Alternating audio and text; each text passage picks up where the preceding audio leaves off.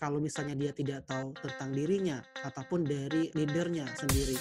Jadi harus mengetahui dulu. Kalau kita nggak ikut dengan perubahan, kita nggak tahu, nggak up to date juga dengan tren, kita nggak belajar lagi, itu kita bakalan stuck. Jadi menurut aku leadership skill, it is important for us to listen.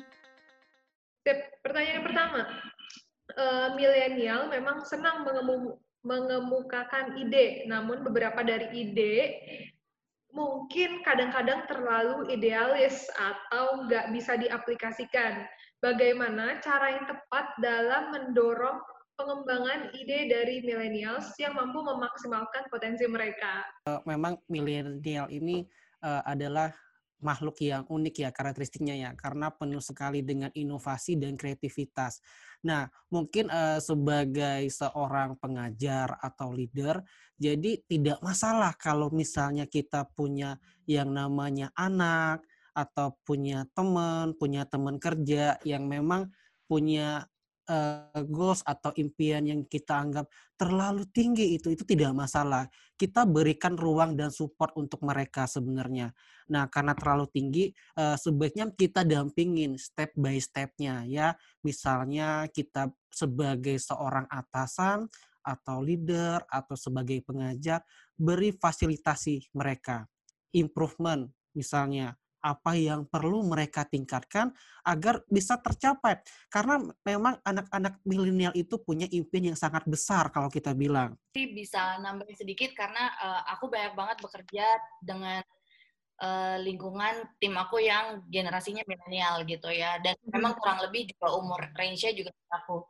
Uh, yang paling utama sih sebenarnya uh, they need recognition and compliment gitu. Itu juga kayaknya uh, yang benar emang lumayan mereka uh, cari gitu. Karena biasanya just a little tap in their shoulder like great job you do your best gitu itu biasanya will increase their endorphin and will increase their performance gitu. Itu kayak memang it's a simple things tapi kayak if you do it very honest and you do it very uh, sincere gitu biasanya mereka akan ngerasa kayak oh iya ya I do good job nih kayaknya gitu dan I think I have to do more gitu itu biasanya sih sebenarnya sih nggak hanya milenial sih tapi kayak um, I think itu lumayan berpengaruh kayaknya buat buat uh, di circle network yang sekarang aku lihat gitu.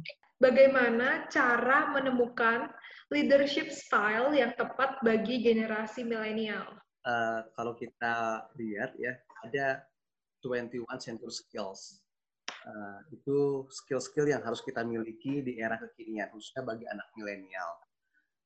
Ada 12 skill, cuma terkait dengan leadership, kita akan bisa melihat ada skill namanya FLIPS.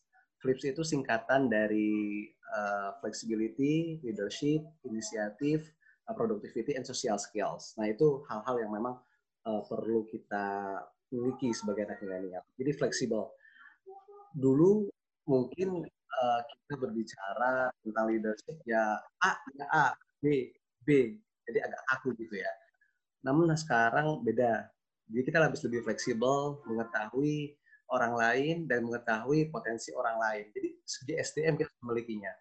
Yang kedua itu leadership. Nah, leadership itu penting banget. Jadi leadership itu apa sih yang paling penting? Leadership itu yang pertama adalah dia harus bisa mengkomunikasikan tujuan atau visi. Ya, uh, kalau saya kan banyak di bidang psikologi, jadi untuk mengembangkan yang namanya potensi leadership, biasanya kita melakukan assessment ya.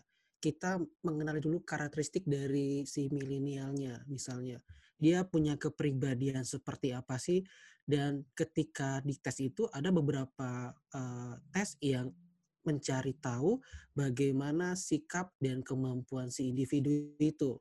Nah, ketika kita sudah mengetahui apa kelebihan dan kekurangannya, maka kita baru bisa melakukan personality improvement di situ atau building bagi si individunya. Jadi memang untuk mengetahui leadership style itu uh, si individu perlu tahu dulu siapa dirinya, apa sih kelebihan dan kekurangannya, bagaimana dia baru uh, mampu untuk mengimprovementnya itu kalau misalnya dia tidak tahu tentang dirinya ataupun dari uh, leadernya sendiri. Jadi harus mengetahui dulu.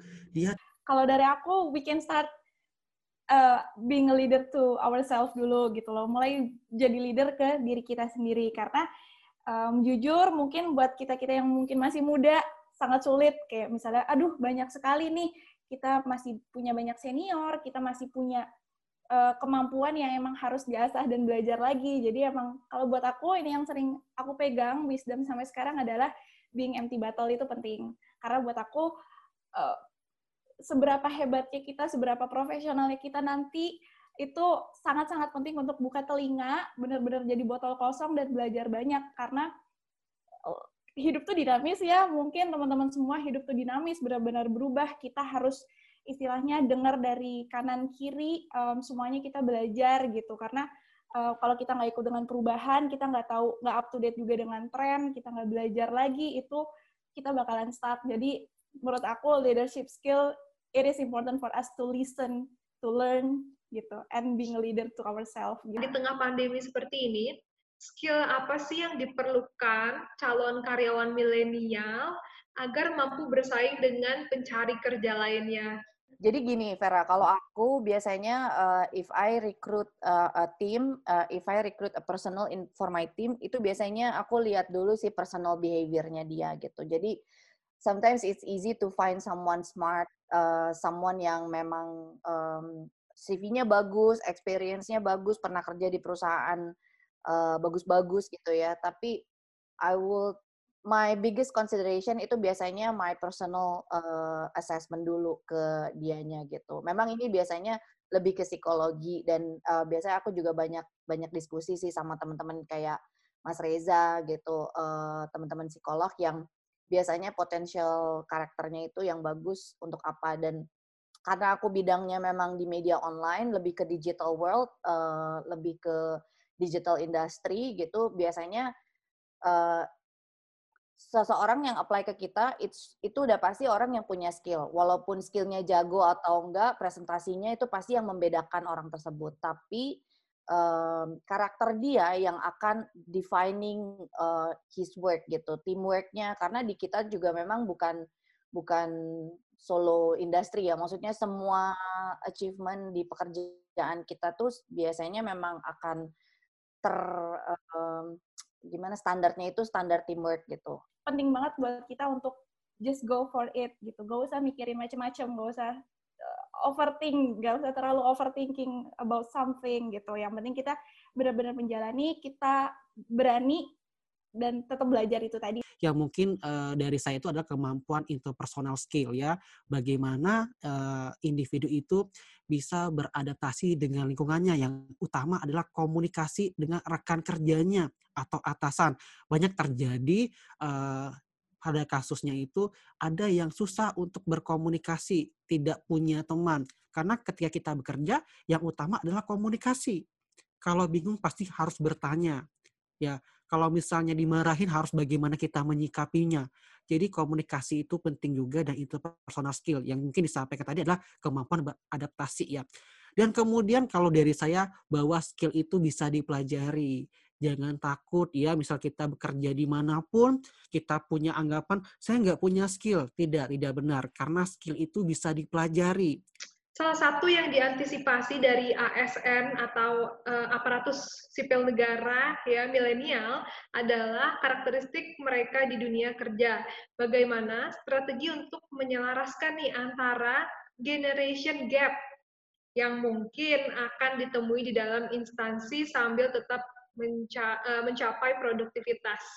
Lagi-lagi balik lagi sama rangkuman yang tadi kita um, bicarakan dari semua materi juga passion, adaptif dan segala macam dan mungkin kita lebih menambahkan ke sisi um, attitude gitu karena um, millennials di sini kita punya berbagai macam inovasi ibaratnya fresh idea gitu kan yang bisa.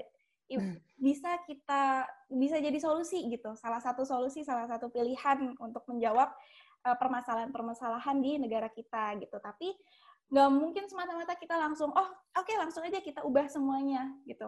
Itu nggak mungkin. Jadi kita harus attitude-nya, kita harus ada dulu.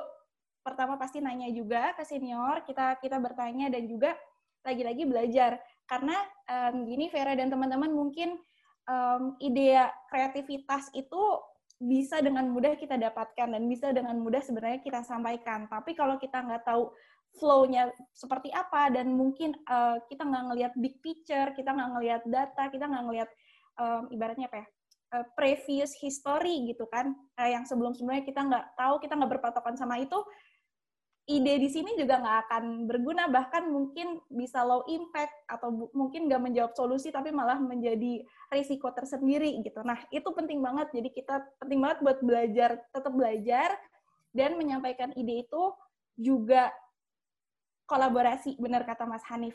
Jadi kita nggak bisa sendiri, kita nggak bisa benar-benar kita punya ide, kita langsung lapor ke atasan, oke okay, Pak, saya punya ide nggak bisa. Jadi kita emang harus tim, kita harus ngobrol karena sekeren apa pun seseorang itu pasti harus listen to others gitu, belajar banyak gitu. Jadi kadang ada input-input yang sebenarnya kita miss atau kita kelewat gitu. Oke, e, gimana caranya menentukan timeline yang ideal dan disiplin dengan itu? Terima kasih. Jadi mungkin tadi kan udah jelasin ya kalau resolution itu e, mungkin kita harus ada timeline timelinenya nih, gitu kan ya.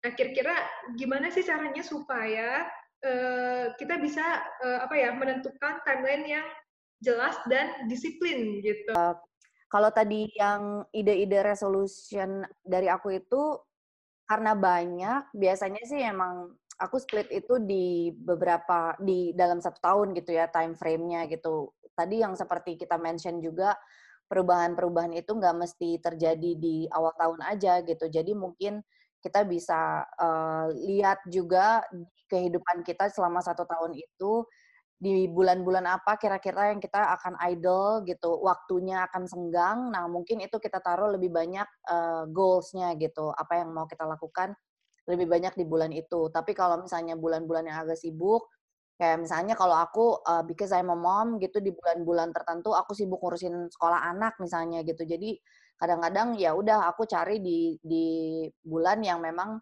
kira-kira memang itu uh, agak senggang untuk urusan rumah jadi aku push a lot of things yang bisa aku achieve di bulan uh, bulan itu gitu. Kayak travelingnya kayak activitiesnya ada eventsnya bikin uh, involve in social activationsnya terus nambahin skill baru misalnya mau join mau join uh, apa gitu komunitas-komunitas apa itu mungkin diperbanyak gitu. Tapi kalau misalnya yang big pictures, yang big goals itu sebenarnya it can happens anytime. Kalau time frame harusnya kita bisa kayak sit back and review ourselves within three months. Consider itu juga kayak HRD sih, kayak review performance untuk diri kita sendiri per per tiga bulan, let's say kayak what did I do for the last three months gitu. Karena orang kan suka banyak yang bilang yang kayak oh my god time uh, time flies gitu, udah ngapain aja ya. Padahal sebenarnya kalau misalnya kita nungguin akhir tahun dan kita nggak ngapa-ngapain ya it flies away gitu aja gitu nggak nggak ngapa-ngapain. Tapi kalau misalnya kita partially like you have to sit down with yourself kira-kira dalam satu hari uh, bisa reflecting yourself udah ngapain udah apa aja terus kayak centang-centangin mana yang sudah kalian lakukan mana yang belum. Nah uh, bikin time plan-nya itu juga yang serealistis mungkin uh, jangan ambi ya kalau bahasa anak sekarang gitu ambisius. Ambisius boleh tapi tetap uh, apa namanya uh, realistis gitu. Itu ada to be to have. Jadi ada pencapaian to be to have. Kalau to be itu ya tahun itu cuma sekali. Misalkan aku harus uh, sidang skripsi bagi teman-teman nih. Itu kan sekali seumur hidup. Ada aja to have. To have itu berarti aku harus baca 10 jurnal uh, supaya mencapai skripsi. Kalau to be aku harus mendapat beasiswa itu to be. Berarti setahun hmm. sekali tapi kalau to have aku harus 10 kali ikut lomba juara supaya nanti bisa daftar beasiswa. Nah, biasanya kayak gitu.